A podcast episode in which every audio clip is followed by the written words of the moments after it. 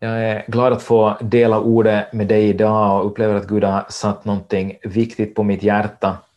Vi har ju varit inne i den här serien eh, om bekräftelse den här våren, eh, eller affirming eh, the worth and potential of each individual, som fjärde delen i vår vision handlar om. Alltså att bekräfta värdet och potentialen i varje individ, är vad vi har talat om. Och och det här är säkert någonting som vi alla eh, behöver också efter nästan ett och ett halvt år av den här pandemitiden eh, som har påverkat oss alla på olika sätt. Eh, vi söker ljusglimtar, vi söker kraften för att orka och var och en har påverkats på ett eller annat sätt av, av den här tiden. Och vi behöver uppmuntran, vi behöver bekräftelse, vi behöver veta hur klarar jag mig, hur kommer jag vidare? Kommer det här att ordna sig? Vi försöker hitta liksom ljuset eh, i änden av tunneln och, och förstå eh, när kommer det att ta slut. Om. vi ser redan hopp om det i och med att eh, det finns vacciner, vi, vi ser att vaccineringarna har effekt och så vidare. Men jag tror att också utan pandemin, utan eh, den tid vi just nu har levt i, så, så ser vi en värld som hela tiden bara eh, liksom växer i att söka bekräftelse. Många söker bekräftelse, man söker det på internet, man söker det via sociala medier, Instagram, Facebook, TikTok och vad allt det heter som inte ens eh, känner till ännu. Eh, så man, man söker efter att någon skulle kunna berätta åt mig, är jag bra? Är jag snygg? Är jag värdefull? Är jag älskad? Är jag framgångsrik? Eh, hela tiden så finns det ett behov hos människor efter bekräftelse. Och samtidigt, ju längre man söker det på alla de här olika kanalerna i vår värld, så kan det vara att den där tomheten bara växer och man behöver mer bekräftelse. Eh, man lägger upp en bild på Instagram och får gilla, men det är inte tillräckligt. Jag måste lägga upp tre till bilder för att få flera tummen upp och, och hjärtan av människor eh, vem kan i den här världen på riktigt förvandla våra liv och tala in i våra liv? Det känns som att hela världen är upptagen med att göra ett så gott intryck som möjligt, men att väldigt många under ytan tvivlar på sig själva. Och vi ska kasta oss rakt in i den text som jag upplever att Gud vill tala in i vår församling och in i våra liv idag. Och jag, jag ber att du skulle ta emot den här, liksom som att Gud skulle tala till dig och så ska vi se på den tillsammans, att vad är det egentligen som händer här? Det är från eh, Josua bok, första kapitlet och de nio första verserna, verserna 1 till 9. En stark text där Gud bekräftar och uppmuntrar och ger hopp. Så vi ska lyssna eh, till den här texten då, jag läser den. När Herrens tjänare Mose var död sa Herren till Josua, Nuns son, Mose tjänare, min tjänare Mose är död. Stå nu upp och gå över Jordan, du och allt detta folk, in i det land som jag ska ge åt Israels barn. Varje plats där ni sätter er fot har jag givit er, som jag lovade Mose. Från öknen till Libanon och ända till den stora floden Eufrat, över hela hetiternas land och till Stora havet västerut ska ert område sträcka sig. Ingen ska kunna stå dig emot i alla dina livsdagar. Så som jag har varit med Mose, så ska jag också vara med dig. Jag ska inte lämna dig eller överge dig. Var stark och frimodig, ty du ska som arv åt detta folk fördela landet som jag med ed har lovat deras fäder att ge dem jag var stark och mycket frimodig, så att du håller fast vid och följer all den undervisning som min tjänare Mose har givit dig. Vik inte av från den vare sig till höger eller till vänster, så ska du ha framgång vart du än går. Låt inte denna lagbok vara skild från din mun. Tänk på den både dag och natt, så att du håller fast vid och följer allt som är skrivet i den då ska du lyckas i det du företar dig och då ska du ha framgång. Har jag inte befallt dig att vara stark och frimodig, var då inte förskräckt eller förfärad, ty Herren din Gud är med dig vart än du går. Här får vi läsa och ta del av en berättelse där Gud talar väldigt många uppmuntrande och bekräftande och styrkande ord till Josua. Och vi måste förstå Josuas bakgrund och vilken situation han var inne i för att förstå vad det är Gud gör här. Det som har hänt är att, att Israels folk har lämnat Egyptens land, de har vandrat 40 år i öknen och så har Moses dött. Alltså han som var folkets ledare, Israels folks ledare och profet i över 40 år och som förde dem ut ur Egypten och som skulle föra dem in i det eh, liksom i löfteslandet och som har varit deras trygghet, han har dött. Och istället för några månader så spenderade de 40 år i öknen för att Israels folk, eh, de syndade, de gjorde inte eh, det som Gud eh, sa åt dem att de skulle göra. Så de hamnar bara mycket längre där i öknen och Gud måste jobba med dem. Eh, han måste inte bara få Egypten, liksom Israels folk ut ur Egypten, utan han måste få Egypten ut ur Israels folk. Så eh, de står nu inför den svåraste biten. De ska gå in i det här landet som Gud har lovat dem, Kanans land, och de ska inta det. Och och se Guds löften bli verklighet. Och de har misslyckats tidigare med att göra det Gud vill, och nu är Mose borta. Och dessutom så hade Gud varnat Mose medan Josua stod bredvid och lyssnade och sagt att det här folket, de kommer att lämna mig igen, de kommer att vara trolösa och överge mig igen. Och här har du nu Josua som får den här uppgiften, han liksom axlar Moses väldigt stora mantel att leda Israels folk in i det här löfteslandet, in i det som Gud har lovat. De är på väg alltså in i ett land som är gott, in i allt det som Gud har lovat, men de är mitt emellan nu, de är, har lämnat Egypten, men de har inte ännu gått in och sett de här löftena bli verklighet. Och, och här om någonsin så, så har du en utmanande situation för Josua. Eh, hur ska det här gå? Nu är tryggheten, Moses är borta och vad kommer att hända? Och du ser på hur många gånger Gud säger samma sak åt Josua. Han säger och upprepar sig själv. Eh, om Gud någonsin är upp, eh, liksom repetitiv så är det här. Han säger var stark och frimodig. Var stark och frimodig var stark och frimodig. Och sen frågar han ännu på slutet, har jag inte befallt dig att vara stark och frimodig? Så det här talar om eh, vad, Jesus, vad, vad Josua kände och tänkte. Han eh, måste ha känt motsatsen till det här och han var inte alls säker på sig själv och vad han skulle göra. Troligen var han eh, skrämd, eh, rädsla för, för hur det skulle gå om han klarade den här uppgiften. Han kanske kände ensamhet, Eh, Mose är borta, de har följts åt så länge, han blev alltid ledare, men nu är Mose borta som alltid på något sätt ändå kunde höra Gud och leda dem vidare.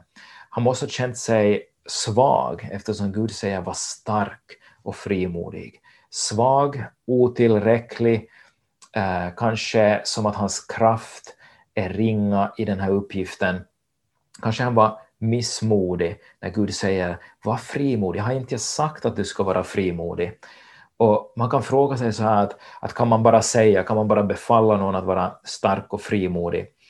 Och det, det Gud gör är att han, han talar in ord som inte bottnar bara i att klämma till lite till, utan i att se vem är det som har lovat gå med dig? Vem är det som har Eh, lett er ända hit? Vem är det som har frälst er från Egypten och som har varit med under hela den här långa vandringen? Han, han för Josua tillbaka till att se på eh, den Gud som går med istället för att se på sig själv. Och mitt i den här omvälvande omständigheten så kommer Gud att uppmuntra Josua och styrka honom. Och han säger gång på gång, var stark och frimodig. Och Josua behövde höra vad Gud sa om honom. För det verkar som att det hela tiden samtidigt var liksom två röster som talade till Josua. Det var den ena som talade om omständigheterna. Mose är borta, Israels folk har misslyckats förut, de har varit trolöst och de kommer kanske att vara det i framtiden också. Och han undrar om Gud kommer att vara med dem.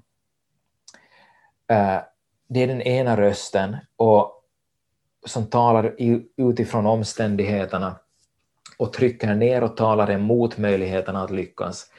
Och samtidigt så kommer här en röst som talar helt tvärtom än det han ser omkring sig och som han känner inuti sig.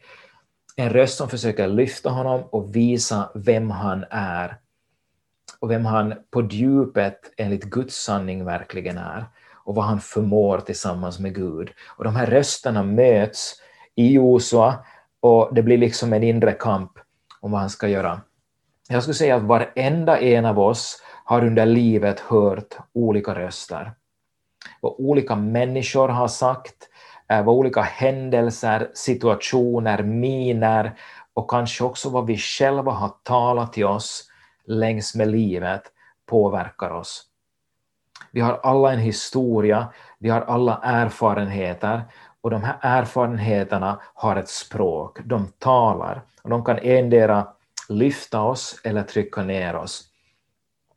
Och för en del av oss så har kanske väldigt många röster talat emot oss och varit negativa, nedtryckande under livet.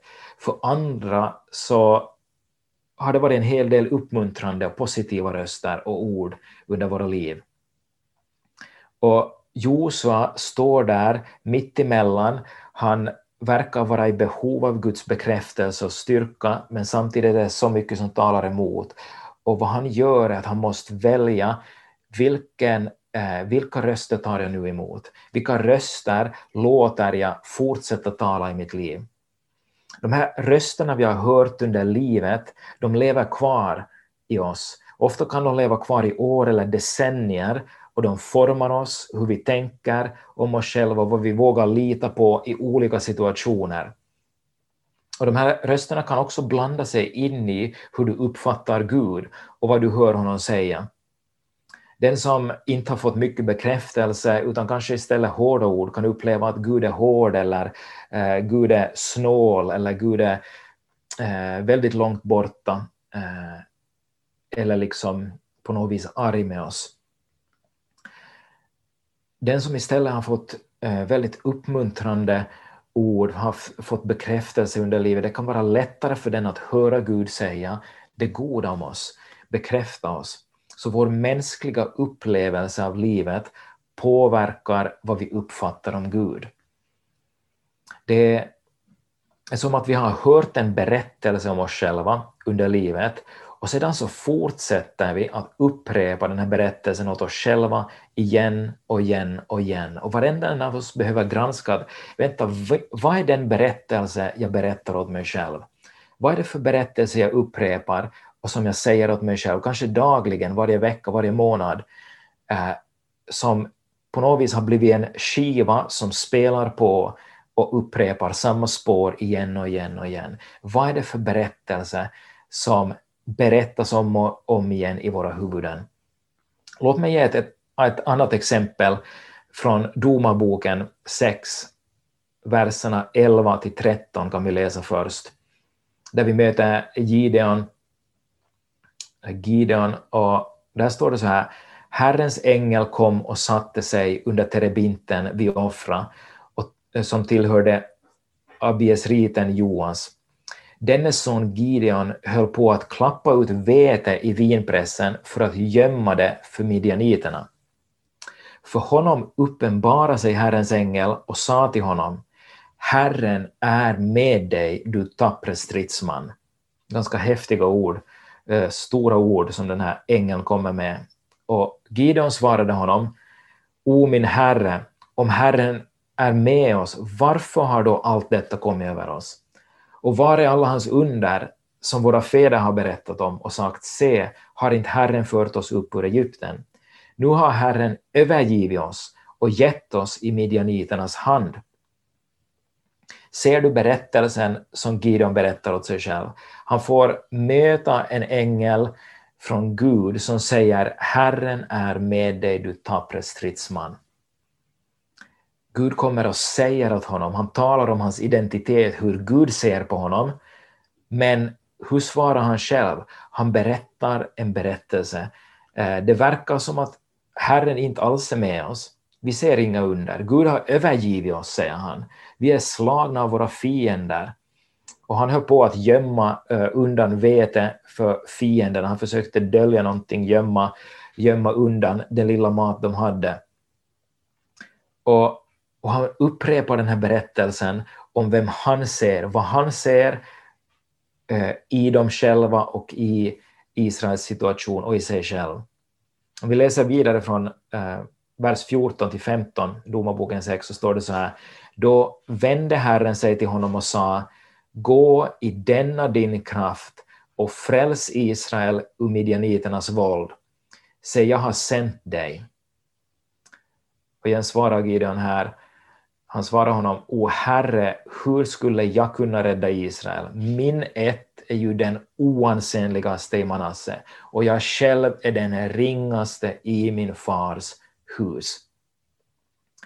Det verkar som att eh, Gud inte bryr sig om ens vad, vad Gideon berättar för berättelse, för han fortsätter bara och säger direkt efter det, gå i denna din kraft och fräls Israel ur midjaniternas våld. Säg, jag har sänt dig. Men Gideon sitter fast. Han sitter fast i den här berättelsen han har tänkt och som han har sett under hela sitt liv. Så han säger igen, hur skulle jag kunna göra det? Jag kan väl inte göra sånt. Och han säger att vi är den minsta ätten, alltså den minsta släkten. Alltså det finns ingenting berömvärt överhuvudtaget i min familj eller min släkt. Ingen har gjort något stordåd, ingen har liksom medaljer här på bröstet. Hur skulle jag kunna göra det? Och dessutom, in addition, tillägg till allt det här, så är jag minst i min familj.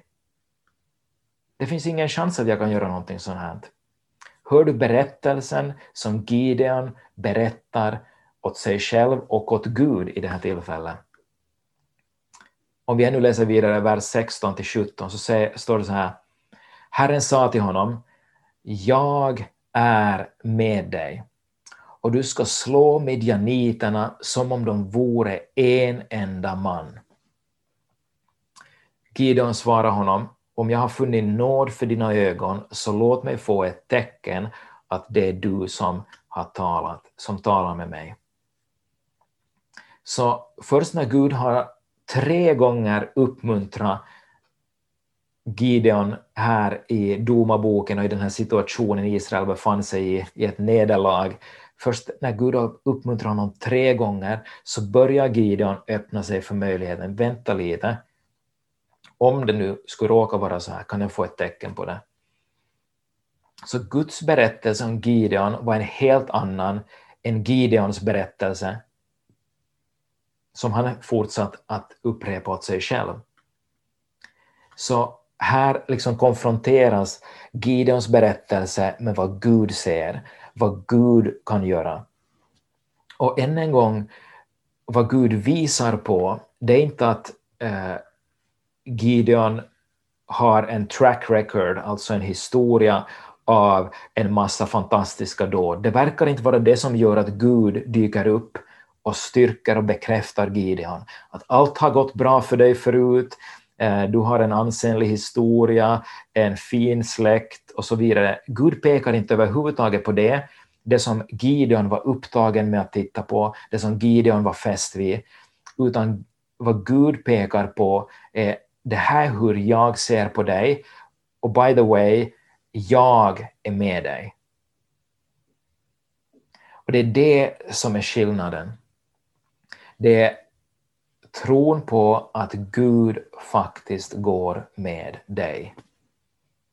Även om du inte skulle kunna göra någonting i din egen kraft. Och egentligen så säger Bibeln det om och om igen, att om du är utelämnad till dig själv, så så är det på sätt och vis illa ute med dig. Om allt du har att lita på är dig själv, så kanske du inte ens kommer att klara det. Men här blandar Gud sig in i berättelsen, precis som Jesus stiger ner hit på jorden och lever bland oss människor för att en dag dö på korset för att befria oss från synden, så blandar Gud sig in i vår berättelse. Och det här, om du läser Bibeln så, så kommer du att märka det här om och om igen, så har du en mycket vanlig människa med sina rädslor, med sina tankar och funderingar och, och sina utmaningar i livet.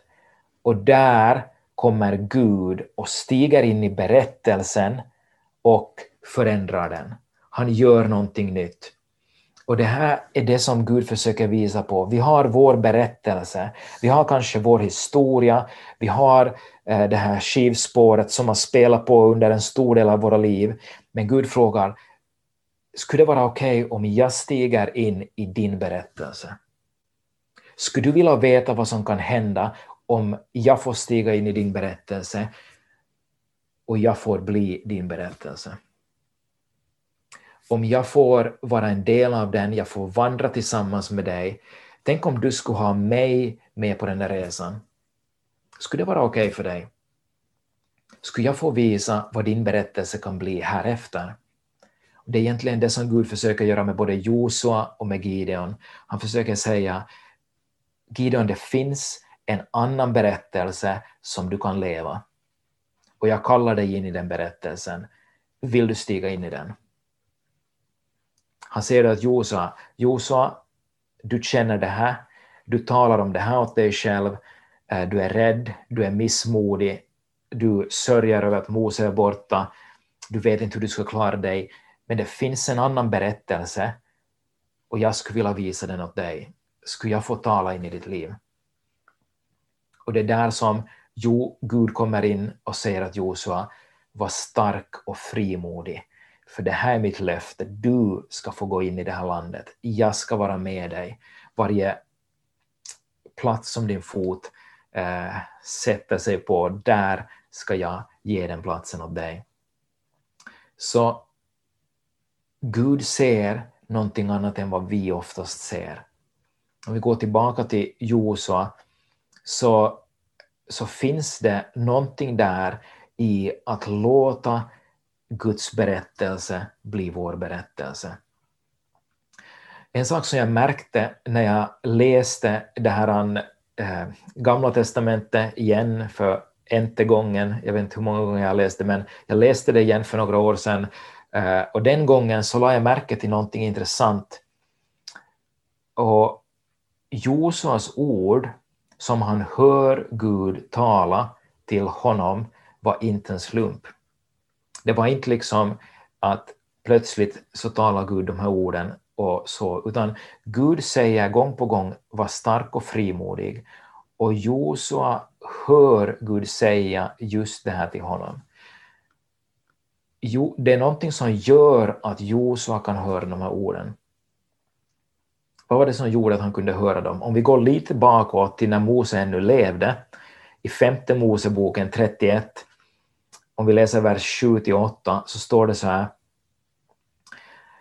Sedan kallade Mose till sig Josua och sa till honom inför hela Israel, var stark och frimodig, ty du ska med detta folk gå in i det land som Herren med ed har lovat deras fäder att ge dem, och du ska utskifta det åt dem som arv. Herren går själv framför dig, och han skall vara med dig.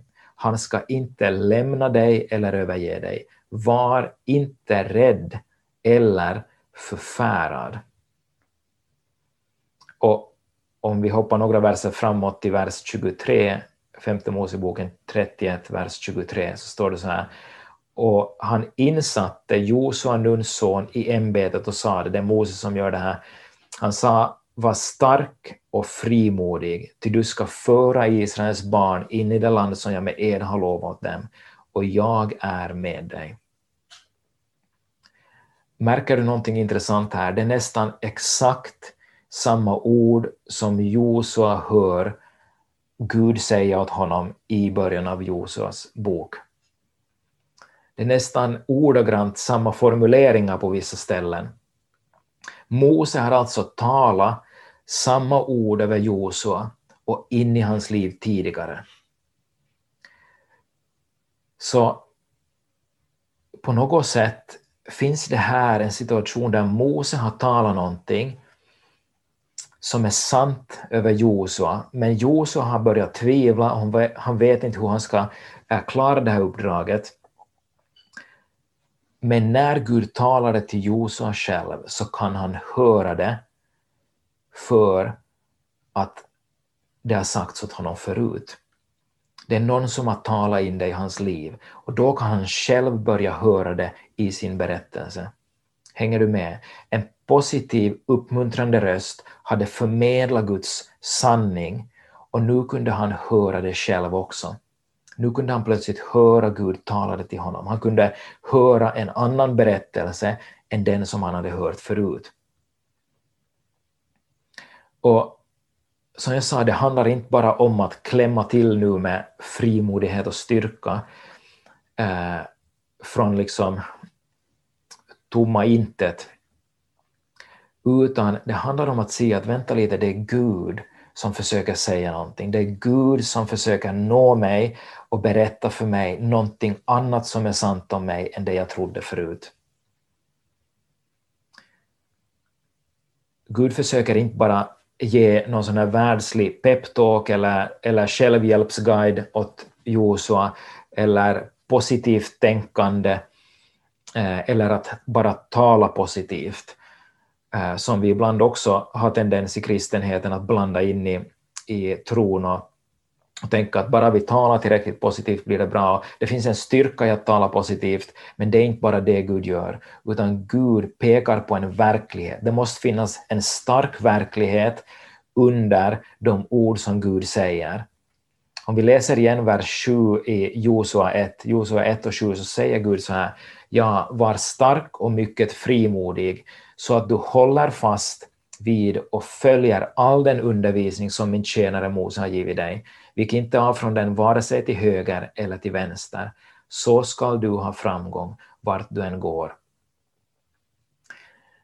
Här säger Gud egentligen att vad det handlar om är att du håller fast vid det som jag har talat till dig.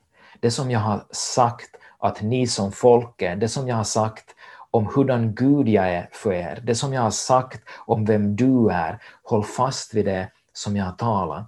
Håll fast vid Mose undervisning. Han leder, Gud leder Josua till att studera vad har Gud sagt? Vad är det som enligt Gud är sant om oss? Och att inte bygga mitt liv på alla rösterna eller på min egen berättelse, utan på det som är sant enligt ordet.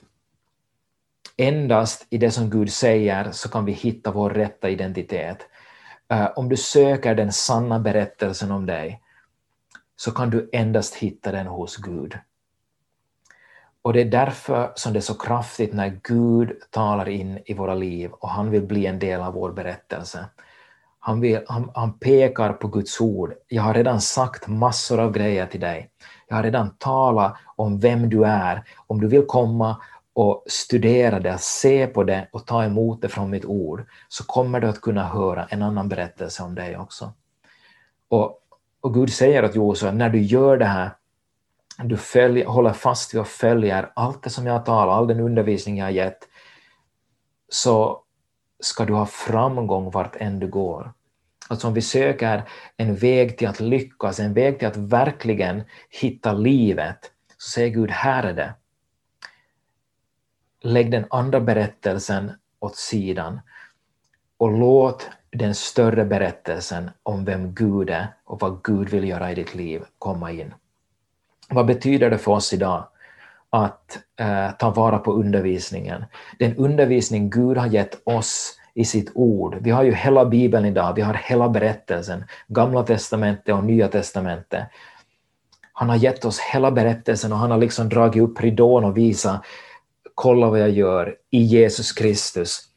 Jag, jag vill stiga ner mitt ibland er människor, in i ert liv, in i er kamp, in i er synd, in i ert mörker stiger Gud genom Jesus Kristus. Och Jesus kommer in in, mitt i din berättelse, mitt i din kamp och säger, får jag vara en frälsare i ditt liv? Får jag vara den som segrar över mörkret i ditt liv? Du kämpar hårt, du har så mycket grejer på gång och du försöker hitta bekräftelse i din egen berättelse. Du försöker skapa dig själv och du söker bekräftelse överallt. Får jag genom Jesus Kristus stiga in i ditt liv och förändra din berättelse? För när Jesus går till korset och dör för din synd, han tar bort allt det som hindrar dig från att komma till Gud, allt det som hindrar dig från att känna Gud och känna hans kärlek till dig. När Jesus dör på korset för din synd och stryker ut allt som talar emot dig, alla berättelser som talar emot dig, så säger han, jag är för dig, jag älskar dig mer än vad någon annan kan älska dig mer än vad någon någonsin har älskat dig, mer än vad du någonsin kan förstå, så älskar jag dig. Jag älskar dig så mycket att jag anser att det är värt att ge mitt liv för dig. Han bevisar den största kärleken i att han på riktigt ger sitt liv för dig för att du ska få bli fri. För Jesus är du värd att ge sitt liv för. Du är värd att älskas i hans ögon. Tänk på alla gånger Jesus kommer in i någons berättelse. Du har kvinnan som har begått äktenskapsbrott och Jesus säger inga dömande ord och trycker inte ner henne utan han säger inte heller jag dömer dig. Gå och synda inte mer. Eller Sackeus eh, som har gjort sig rik på andra människors, kanske till och med fattiga människors små tillgångar som tullman och Jesus säger idag måste jag besöka ditt hus Sackeus. Och Jesus kommer in i Sackeus berättelse och det förvandlar Sackeus berättelse. Eller Simon, den här temperamentsfulla lärjungen som eh, ofta handlar och säger saker för han hinner tänka. Jesus kommer in i Simons berättelse. Simon får förstå och se att Jesus är Messias och Jesus säger du ska inte mer heta Simon, du är Petrus, du är en klippa. Och Jesus förvandlar Simon Petrus berättelse. Eller när han möter en blind och han säger du får din syn. Eller han säger till Lazarus som är död, som har varit tre dagar redan inne i graven och han säger Lazarus kom ut och Lazarus får nytt liv. Jesus har en great track record. Han har en historia av att alltid stiga in i människors berättelser och förvandla dem. Och det är egentligen det som Josuas eh, text som vi läste kallar oss in i, att fråga oss, vänta lite, Gud, vad är den undervisning du har gett? Vad säger du i ditt ord om mig?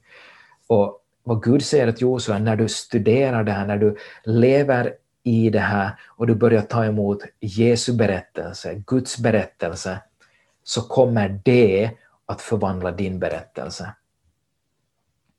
Och Josua gjorde faktiskt det här också på andra ställen än, än här vad han blir befalld att göra det i början av Josuas bok. Om vi går tillbaka till Andra Moseboken 33 och vers 11 så kan vi läsa det här. Och Herren tala med Mose ansikte mot ansikte, som när en man talar med en annan. Sedan vänder Mose tillbaka till lägret, alltså Mose går bort, och så står det så här, men hans tjänare Josua, Nuns son, som var en ung man, lämnade inte tältet. Så Gud är där vid uppenbarelsetältet och talar med Mose ansikte mot ansikte. Josua står endera bredvid honom eller precis utanför tältet. Högst sannolikt står han precis utanför ingången och väntar på Mose. Han var Mose tjänare. När Mose går bort från tältet och är färdig och har pratat med Gud, då stannar Josua kvar. Han lämnar inte tältet för att han ville vara där var Gud är, han ville höra vad Gud säger, han ville vara i Guds närvaro till den grad att han skulle kunna lära sig höra Guds berättelse mer. Så Josua han spenderar tid med Gud och Gud har möjligheten att forma sin berättelse i Josua. Kanske det var just det här som gjorde att Josua en dag blev vald till att leda folket, att det var just honom Mose satt in att leda folket. Han tog tid att vara där och låta Gud tala in i hans berättelse. Har du börjat lyssna till berättelsen som Jesus berättar om dig? Ditt liv är sammanvävt med hans liv genom Bibeln.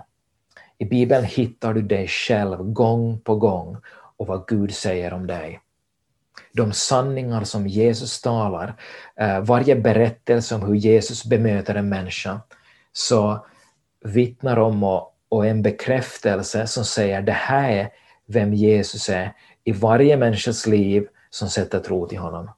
Du kan ta emot Guds sanningar och berättelserna om andra människor när du ser att det här är vad Gud har sagt i sitt ord. Han uppenbarar vem Jesus är, hur Jesus bemöter oss, vad Jesus kan göra i våra liv. Det här är berättelsen som han vill tala om i ditt liv.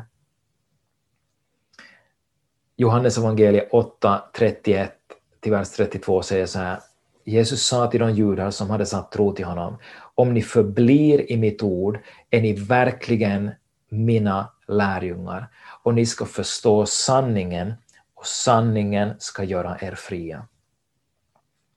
Ingen peptalk, ingen självhjälp, eh, ingen positive thinking kan eh, hjälpa oss om vi bara eh, tänker att det är lösningen, att tänka positivt för oss själva. Det som på riktigt kan befria dig är Guds sanningar om dig. Vad Gud säger om dig. Och i både Josas fall och i Gideons fall så kommer Gud in och berättar en annan berättelse. Han säger vem de verkligen är, vad deras identitet är. Sen ger Gud också ett till tips åt Josua som jag vill ge vidare åt dig. Josua vers 1, eh, nej, kapitel 1, vers 8. Där säger ju Gud så här som vi läste redan, låt inte denna lagbok vara skild från din mun. Tänk på den både dag och natt så att du håller fast vid och följer allt som är skrivet i den. Då ska du lyckas i det du företar dig och då ska du ha framgång. Det är ganska intressant uttryck. Eh, de har en lagbok där det är skriven text på papyrus eller på pergament, Eh, alltså djurhudar, och Gud säger låt inte den här lagboken vara skild från din mun. Tänk på den både dag och natt så att du håller fast vid och följer allt som är skrivet i den. Och det här ordet tänk på i hebreiskan det betyder egentligen att idisla, så som kor idislar. Att tänka på det om och om igen, alltså att eh, ta upp det i din mun, tugga på det igen och svälja.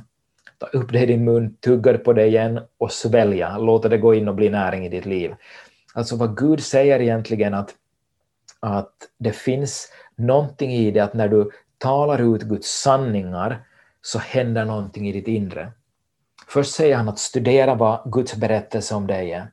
Studera och bygg din grund på vad Gud säger om dig. Sen säger han, låt inte den vara skild från din mun. Fundera på det, tänk på det och mumlade. Alltså tala ut de sanningarna som Gud säger över ditt eget liv. Det finns en kraft i att tala ut det Gud säger. Det finns en kraft i det uttalade ordet. Så det har en skillnad vilken berättelse du fortsätter att berätta. Tänker du fortsätta berätta den gamla berättelsen om ditt liv, vad andra människor har talat ut över dig, vad andra har sagt, vad situationen har sagt, eller börjar du ta emot Guds berättelse från vad han säger i sanningen, i sitt ord, och börjar tala ut den berättelsen över ditt liv. Du kan själv välja vilken berättelse du låter bli den dominerade berättelsen i din, ditt liv. Några bibelställen som säger eh, om som talar om just det uttalade ordets kraft. Ordspråksboken 12, vers 18 säger så här. Ord från en tanklös kan hugga som svärd. Det visas tunga ger läkedom. Så tanklösa ord de kan hugga som svärd, det har vi alla varit med om. Men det visas tunga ger läkedom. Det finns också ord som kan uttalas som ger läkedom. Vill du börja tala ut eh, de typerna av ord över ditt liv? Och vad skulle hända om vi skulle börja tala in de goda orden som ger läkedom i andra människors berättelser? Ordspråksboken 18.21 står det så här, tungan har makt över död och liv. Det som gärna brukar den får äta dess frukt. Så tungan har makt över död och liv. Med vår tunga kan vi ändra eh, skapa sånt som pekar mot död, som trycker ner och negativt. Med vår tunga kan vi också välja att skapa liv. Vi kan tala liv in i oss själva och i andra. Men obs, inte positive thinking eh, baserat på ingenting, utan de positiva, de ord som bygger på vad Gud säger. Det som han säger att är sant. När vi talar ut det så har det kraft att föda liv.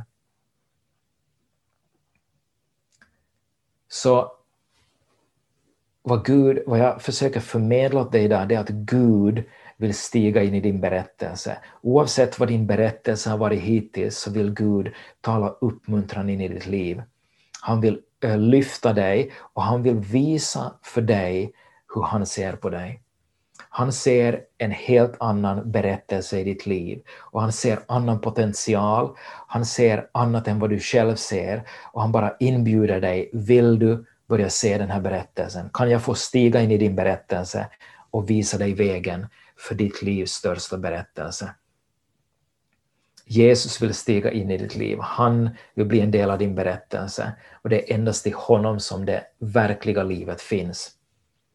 Sen vill jag också fråga, vad skulle hända om vi skulle börja tala det som är gott och uppmuntrande, det som är liv, inte bara in i oss själva men också in i andra människors liv. Skulle andra människor ha lättare att höra Guds berättelse för dem? Om vi skulle börja tala det som lyfter, det som uppmuntrar, det som styrker utifrån Guds sanningar. Skulle vi kunna ta ett steg längre som församling i att vara de som kommer och talar en annan berättelse, som hör Gud för varje människas liv och som vågar vara de som lyfter, inte trycker ner, inte skapar oro, inte skapar förvirring, utan vi skulle våga vara de som lyfter upp, som kommer med Guds liv i formen av ord, som får forma de människornas berättelse så att de har lättare att höra tonen från himlen och höra den berättelsen som kommer från Gud. Jag läser till sist eh, Josua 1, 9, den sista versen vi läste i det här stycket från Josua. Har jag inte befallt dig att vara stark och frimodig? Var då inte förskräckt eller förfärad, ty Herren, din Gud, är med dig vart än du går. Det avgörande är till slut det här, och vad Gud försöker säga hela vägen, jag är med dig. Jag vill vara en del av din berättelse. Du kan välja vilken berättelse du nu tror på. Du behöver inte vara rädd, jag går med dig vart än du går. Det här lämnar utrymme för oss att fundera, vad är den berättelse jag talar till mig själv? Jag hörde, jag hörde en berättelse här i veckan faktiskt, någon som, som hade läst den här berättelsen, någon tog en gorilla som ännu var en riktigt liten babygorilla, tog den, tog den till en cirkus, satte den i en bur. Och den här cirkusen reste runt och man fick se på den här gorillan i, i buren. Och de gav ett namn åt den här gorillan, den hette Ismail. Och eh, alltid, det fanns en skylt där med dens namn, det hette Ismail och folk kallade den Ismail. Titta på Ismail, där är Ismail. Och den här gorillan kände aldrig igen sig. Eh, den var inkapslad i den här buren. Men en dag hände det att det kom en äldre människa förut, äh, kom en äldre människa förbi och stannade vid den här buren och tittade länge på den här, äh, på Ismael och, och fundera och till slut sa den här äldre människan gorilla. Du är en gorilla. Och någonting hände i den här i Ismaels liv. Någonting väcktes i hans liv och han började tänka gorilla. Det var någonting som var så djupt och sant med det som den här människan sa. Och det förvandlade hur den här gorillan såg på sig själv. Och det talar till mig om det att vänta lite, det finns en berättelse som andra kan ha berättat som inte är sann. Men när vi hör Guds berättelse så kommer vi plötsligt att känna igen oss själva i den. Och vi kan komma ut i frihet. Så jag frågar dig till slut, vilken är den berättelse som du fortsätter att upprepa, upprepa och berätta åt dig själv, som inte stämmer överens med Guds berättelse om dig och verkligheten om dig?